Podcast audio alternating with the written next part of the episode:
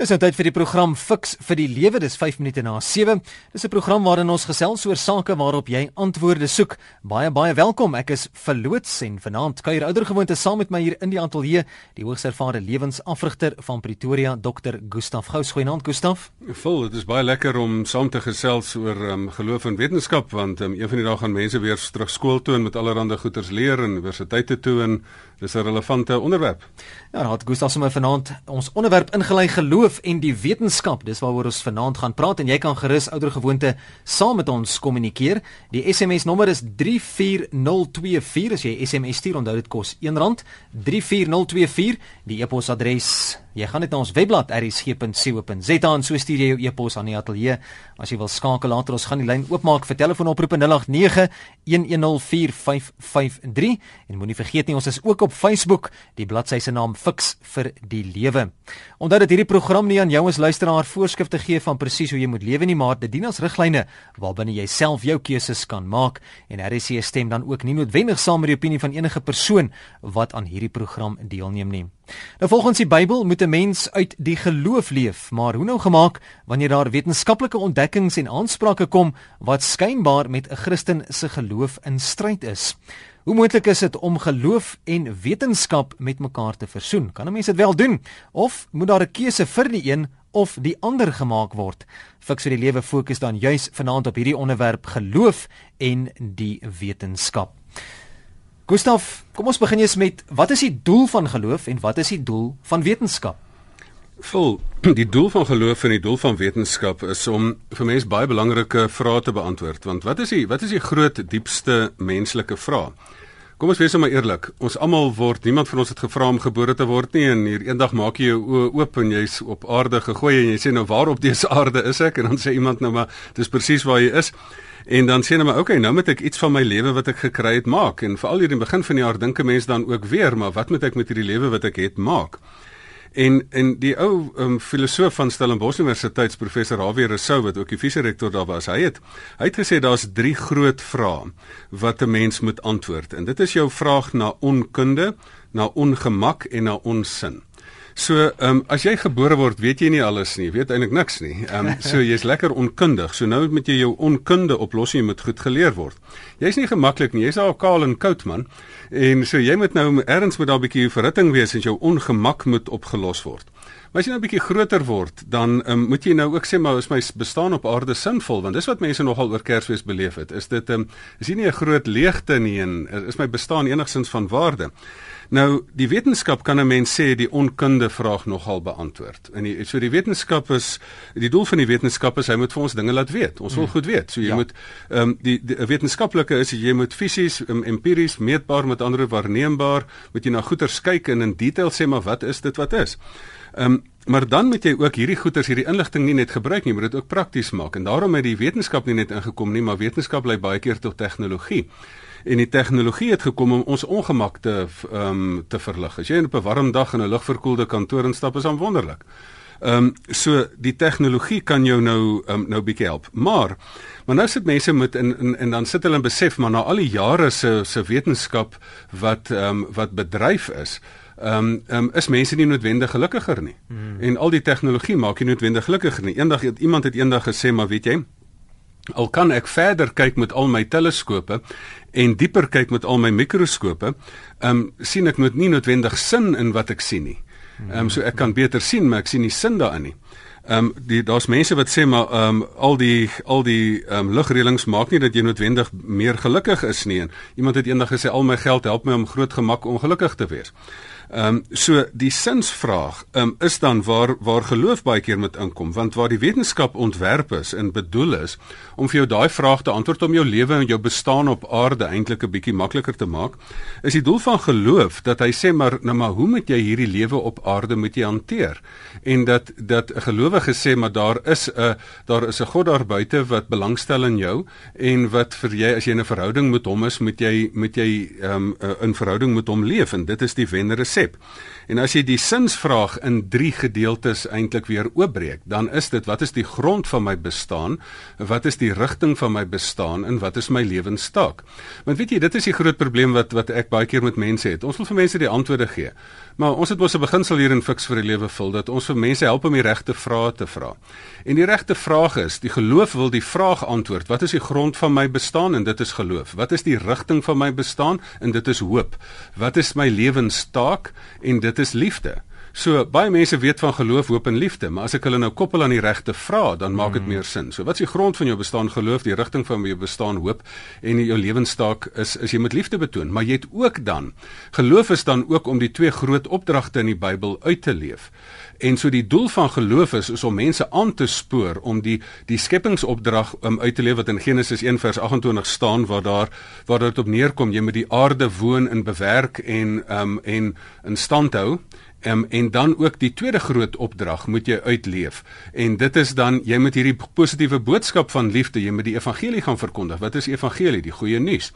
Nou in hierdie opsig um, is dan die een van die onderafdelings van geloof om die aarde te kan bewerk, kan dan om wetenskap en tegnologie te bedryf. Hmm. So as deel van jou skepingsopdrag, is dit dan goed om 'n wetenskaplike te wees of goed om 'n persoon is wees wat wat tegnologie vir ons nuwe tegnologie bring al is dit hernubare energie of watse tegnologie dit nou ook al is.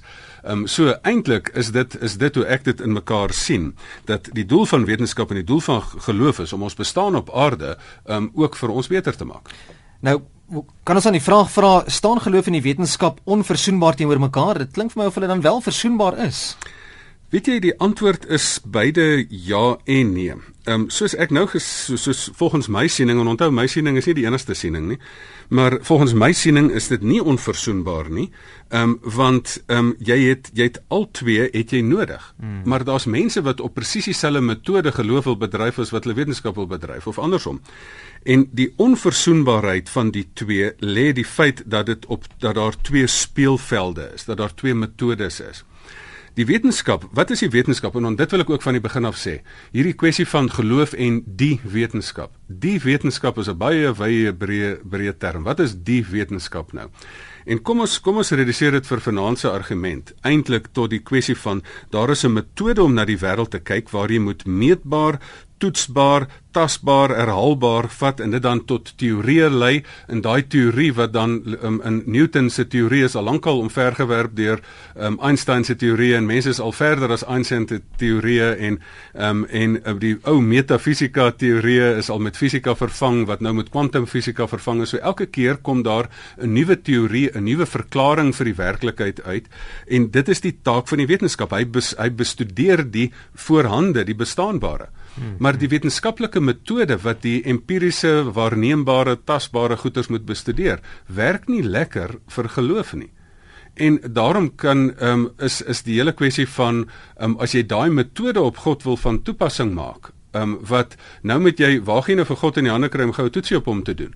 Ehm um, dit is ehm um, dit is jy kan nie daai metode gebruik nie. So daar moet 'n duidelike rolverdeling wees. Um, en die moeilikheid in in die hele debat kom. En as ek dit sommer van die begin af stel, dit wil ek dan sommer van die begin af stel.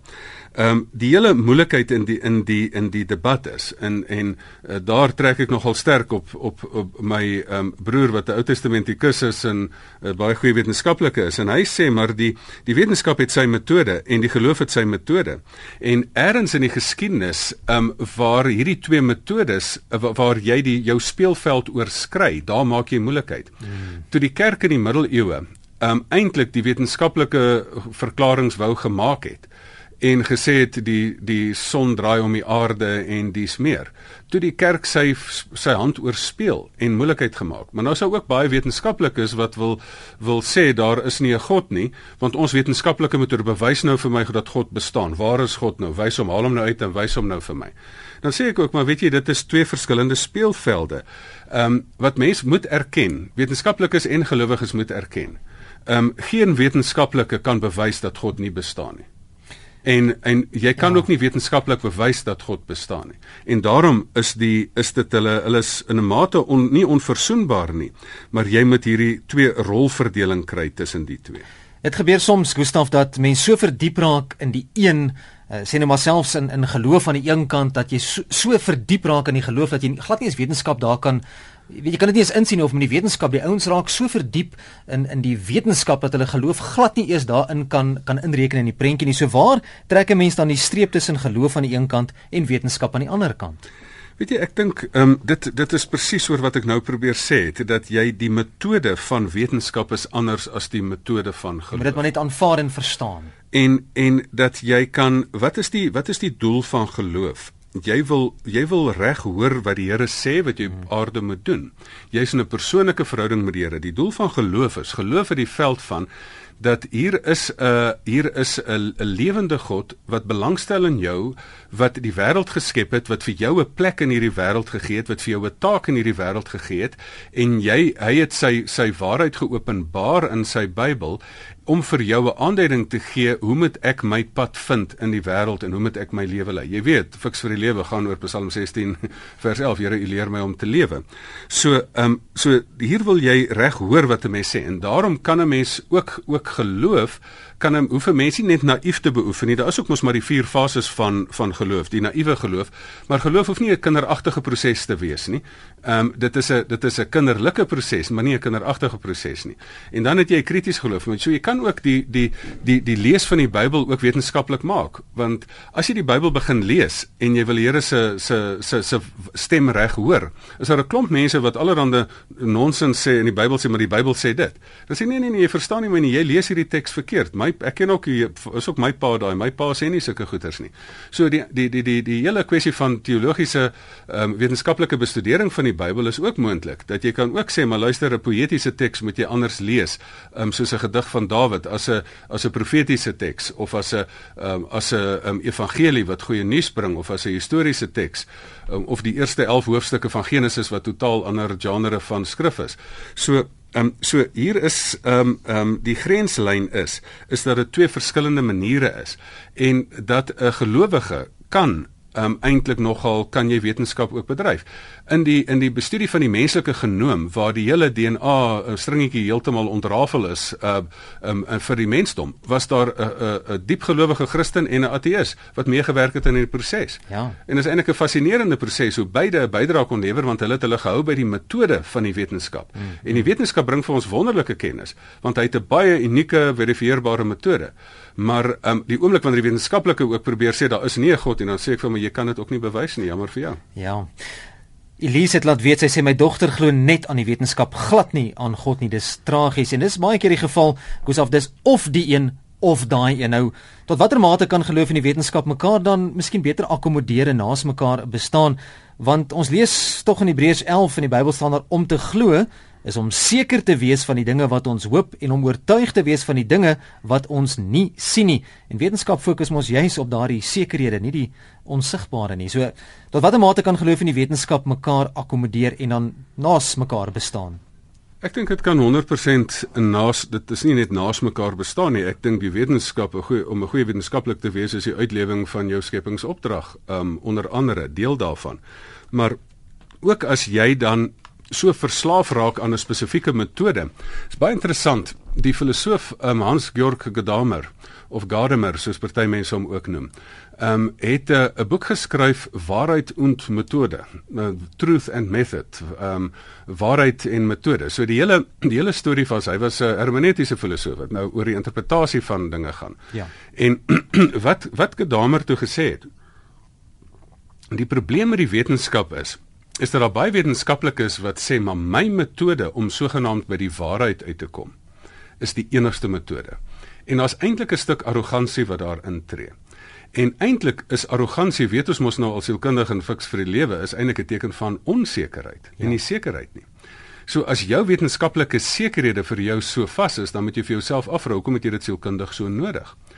Want die die hele kwessie van ehm um, as as wat hy gesê het, die wetenskaplike metode sal vir jou sê, as die son opkom, is nie eintlik die son wat opkom nie, dis die aarde wat om sy as draai. Ja. en um, dit is nou wat gebeur. Maar as ek nou op vakansie saam met my um, een van my drie dogtertjies ergens gaan vroeg opstaan en en die sonsopkoms kyk, kan ek nie vir haar nou daar staan in die oggend bederf en vir haar sê, "Kom ons kyk die mooi sonsopkoms en ons sien dit. Daar kom die son op." Ja. Die son kom nie op nie, die aarde draai homself. As moet ek nie nou sê, "Oké, wetenskaplik is die aarde nou besig om te spin teen so vinnig en dit is nou kom as die son sien ja. Dan bederf ek die oomblik. Ja, ja. Ehm um, ehm um, as as as jy daar is meer as een waarheid. Waarheid is nie net wetenskaplike waarheid nie. Waarheid is die liefde tussen my en my vrou. Laat een wetenskaplike nou vir my dit nou probeer verklaar. Um, maar dit is waar, dit is daar, dit is dit is die waarheid.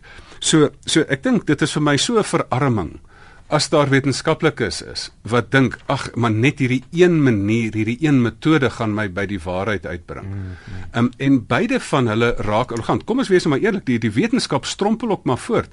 As wetenskaplikes maar net by die een teorie kan hou, maar dan kom daar die een teorie na die ander. As ons net oor oor oor praat oor amper sê ek oor kos, dan sê hulle vir jou nee, jy moet nou carbo loading doen. Kom ons uh, en dan sê hulle nou nee, jy moet nou ander iets eet. As die dieetkundiges net vir ons wetenskaplik nou kan bewys en daar's nie ook eensstemmigheid onder wetenskaplik is nie. So so daai arrogansie wat lê dat die enigste waarheid daar lê. Die wetenskaplikes strompel maar voort en hulle het ook reuse foute gemaak in die wêreld dat selfs in die in die in die in die pest um, pesticides wat is die mooi Afrikaanse woord daarvoor die gifstowwe vir um, vir plante. In, ja, insekdoders. Insekdoders en dis meer. Is daar hoekom sterf die bye nou? Want hulle het die werklikheid bestudeer maar hulle was nie slim genoeg nie. Hulle het nie die mikroorganismes en goetertjies raak gesien nie. En hulle het nie besef hoe dit die dit probleme kan veroorsaak nie. So iemand wat net wetenskaplik arrogant wil wees en sê dis die enigste waarheid. Wil ek net sê wil jy net 'n bietjie meer nederig wees oor die hele wetenskaplike poging nie.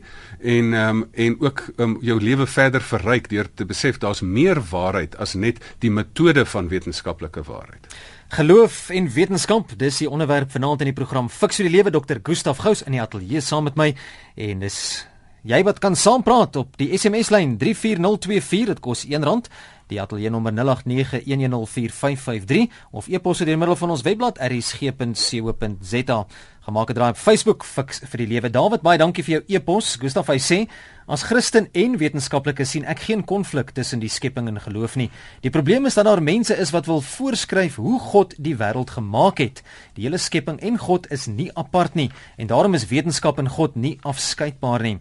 Hy sê dit is net hoe jy na die data so 'n aanhalingstekens kyk, letterlik of figuurlik. Hy sê geloof is figuurlik of geestelik terwyl wetenskap letterlik is en mense draai baie keer die twee om.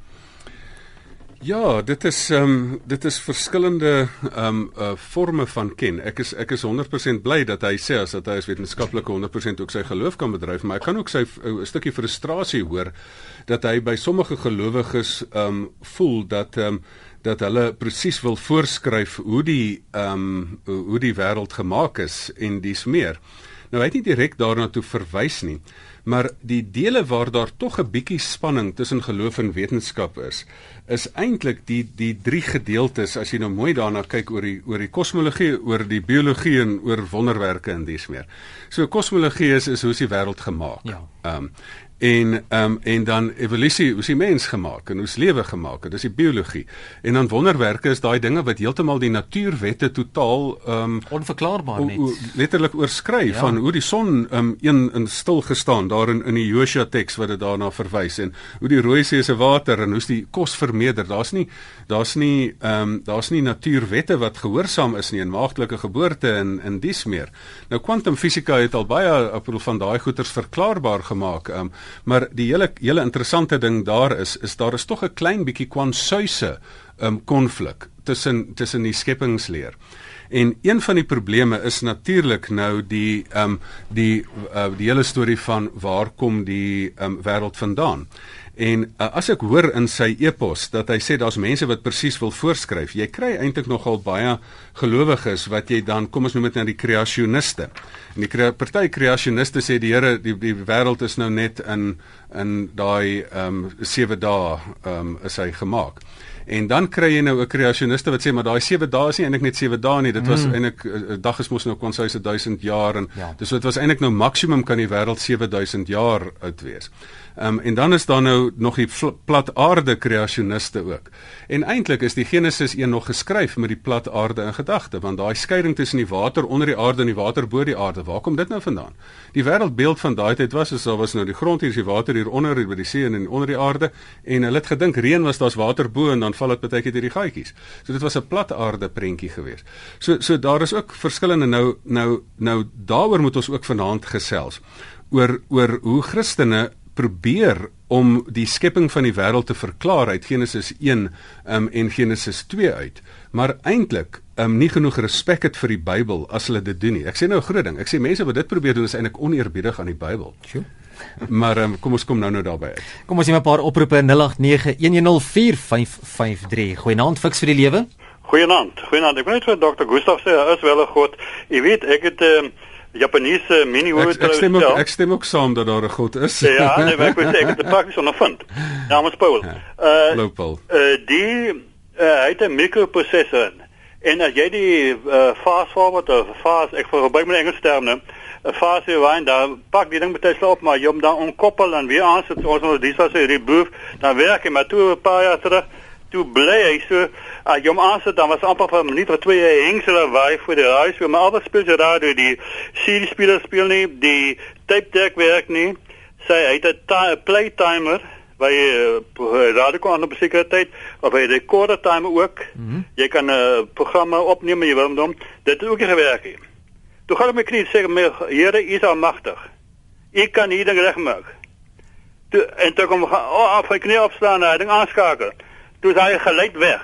Al daai goed, die tape deck werk, die CD player werk, die timer player werk, die recorder werk. Maar nou, die Here het daai ding het my gesê kan nie reggemaak word nie. Maar nou die Here het almagtige ingegryp. Ek moet by uh, ervaar sê dat 'n paar maande terug het ek hom weer te vinnig rewind en toe dieselfde probleem weer gekom. Maar ek wil net my uh, getuienis gee daaroor, dokter. Baie dankie Paul. Ag Paul, dit is lekker. Daar's baie mense wat wat van van kom ons moet nou maar mikrowonderwerke in hulle lewe getuig en um, en uh, ek glo dat 'n hele paar in my lewe gebeur. Ek wil die Rooms-Katolieke Kerk het selfs 'n gedissiplineerde proses dat hulle niemand tot 'n uh, heilige verklaar um, want een van die kriteria is die persoon moes bygewees het of insidenteel gewees het by wonderwerke. Ja. En dit is nie sommer dan net 'n ding wat enigiemand kan uh, sê 'n ander persoon kan kom en sê ag ja, jy het per ongeluk nou net 'n toukie 'n uh, ander draaitjie gestamp terwyl jy gebid het en nou het hy reggekom nie. Dit is verifieerbare goeters dat hierdie ding nie volgens die natuurwette gefunksioneer het nie. En ek leef ook. Ek sê altyd 'n persoon wat nie in wonderwerke glo nie is nie 'n realist nie.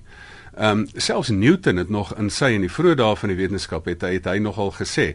Hy sê as God nie nou en dan ingryp en hierdie planete weer bietjie reg druk in hulle bane nie, dan uh, dan gaan die ding heeltemal uit beheer uitraak. Ehm um, so selfs hy as 'n harde wetenskaplike het ehm um, het, het het dit voor ruimte gemaak. So ek dink nie ons moet die hele kwessie van wonderwerke. Dis nie 'n ding wat elke tweede ding keuse wonderwerk nie. Ja, as die son opkom, is dit vir my weer 'n wonderwerk, maar dit is 'n ehm um, dit dis 'n verklaarbare ding. Maar daar is party dinge wat jy regte kan sê, die Here het hier ingegryp en hierso iemand genees wonderbaarlik genees ehm um, of ehm um, een of ander iets gedoen, uh, selfs voedsel vermeerder wat ook al. Daar is sulke gevalle wat jy wat jy verifieerbaar op aarde kan van um, kan na kyk. Kyk, baie mense glo baie sterk net na die een kant toe en glad nie na die ander kant toe ook nie. Mense kan dit seker ook verstaan hier's nou 'n SMS wat inkom van iemand wat sê dit is nou wragtig die onnooselde redenasie wat ek nog ooit gehoor het. Die geloof en dan sê hy nakies by geloof is die grootste snert. Nou natuurlik het jy verskillende posisies en um, in hierdie hele ding is kry jy iemand wat aan die een kant sê maar ehm um, uh, ateïsties is en sê daar is nie iets soos 'n God nie.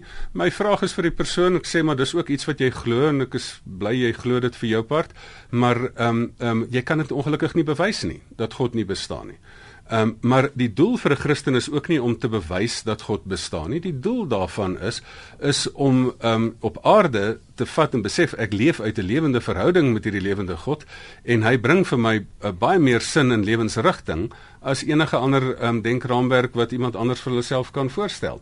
So ehm um, binne binne daai opsig kry jy ook ehm um, fundamentalistiese ateïste Ehm um, ehm um, en weer eens wil ek sê dat mense gaan baie keer deur uh, deur vier fases van geloof. Die een is 'n naïewe geloof en dan dan word mense onnugter daardeur want hulle voel hulle is um, verkeerde goeters geleer en dan raak hulle dit ehm um, sommer die 'n uh, kritiese geloof as hulle dit nou baie krities daarin dan raak party mense die geloof kwyt. Maar daar's ook baie ander mense wat deur nie 'n kinder kinderagtige geloof het nie, maar 'n kinderlike geloof het. Want daar's van die van die slimste mense op aarde wat gesê het as jy aan die einde van 'n lewe vra, nou wat weet jy nou? jy wat so slim is. Nou sê man, my sterfbed. Dit is my belangrik om te weet daar's mense wat ek lief is en daar's mense wat ehm um, en daar's 'n God wat vir my liefhet. Ehm um, ehm um, Jesus het my lief en dit is die belangrikste stuk wete wat ek het al was ek hierdie slim wetenskaplike.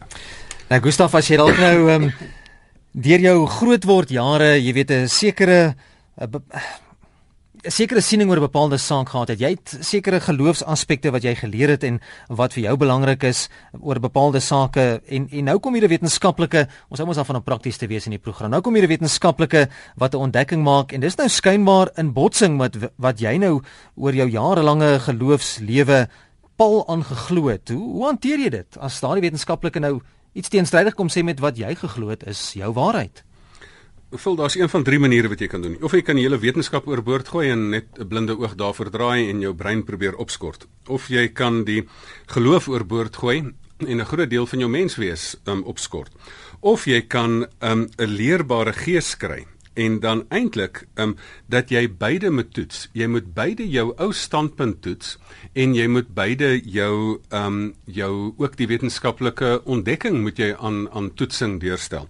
Want kom ons noem 'n praktiese voorbeeld. Sê nou maar jy het nou al die jare geglo dat die ehm um, die um, Here die aarde ehm um, uh, gemaak en dit was en dit was net die aarde is net 6000 jaar oud of 5000 jaar oud en nou sê die koolstof um, toets dat die aarde 14 miljard jaar oud is of hoeveel wetenskaplikes verskil ook daardeur en feit van die saak is nou wat nou en hier kom 'n teorie van Einstein wat die slimste ou gestem is as die vorige eeu en hy sê dis die Big Bang teorie en in die aarde hele kosmos is besig om uiteen te sit en hulle kan dit uitwerk en en dis meer en dan dan sê hulle maar genade is hierdie aarde nou ouer as wat dit nou is.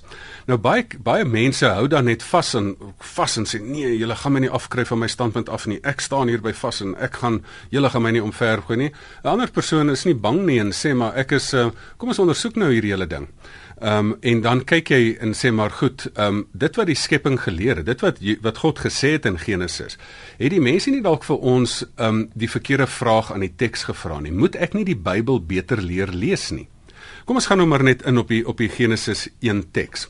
Ehm um, want ook interessant genoeg baie mense wat die Genesis 1 teks wat die wat die wat dit wat dit in in sekere tydperke wil insit. Hulle vergeet om Genesis 2 te lees waar die mens eerste geskape is wat dan weer 'n hele ander storie is.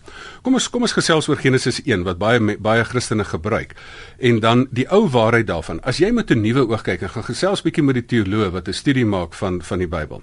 En dan sal hulle sê Genesis 1 is geskryf nie om die skepping van die wêreld te, te verduidelik nie, maar om betekenis te skep in 'n tyd toe die wêreld toe die mense in 'n groot moeilikheid was. Hmm. Dit is geskryf in in, in na 586 ehm um, na die val van Jerusalem en toe die toe die ouens weggevoer is na Babilonie toe. Daar sit hulle, weet jy wat het hulle verloor? Hulle het hulle stad verloor. Hulle geloof was gekoppel aan 'n stad. Hulle het hulle land verloor. Ehm um, hulle het letterlik hulle het hulle, hulle het letterlik omtrent alles verloor. En nou sou hulle nog ook besig om hulle hulle geloof te verloor want in hierdie land sê hulle nee, die aarde is die wêreld is geskep deur ehm um, deur twee gode. En wat nou van die God wat hulle ingeglo het?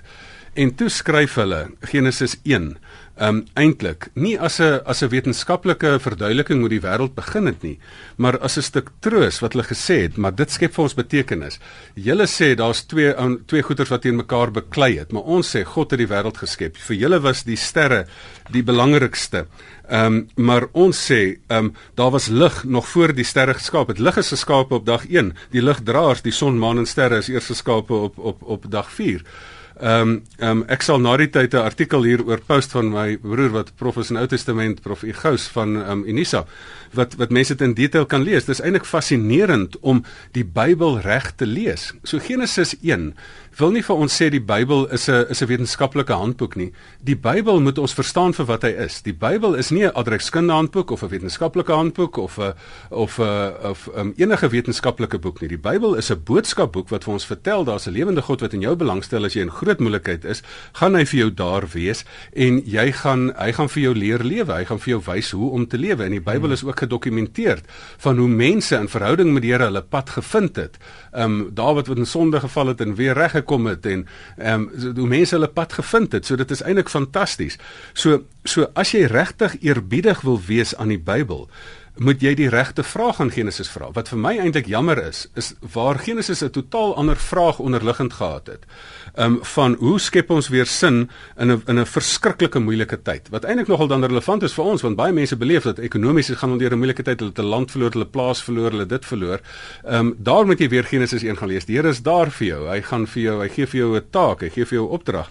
Maar ehm um, binne hierdie hele hele konteks is as jy die verkeerde vraag vra in die teks, van sê maar ehm um, hierdie teks sê nou vir my hoe is die wêreld wetenskaplik geskep?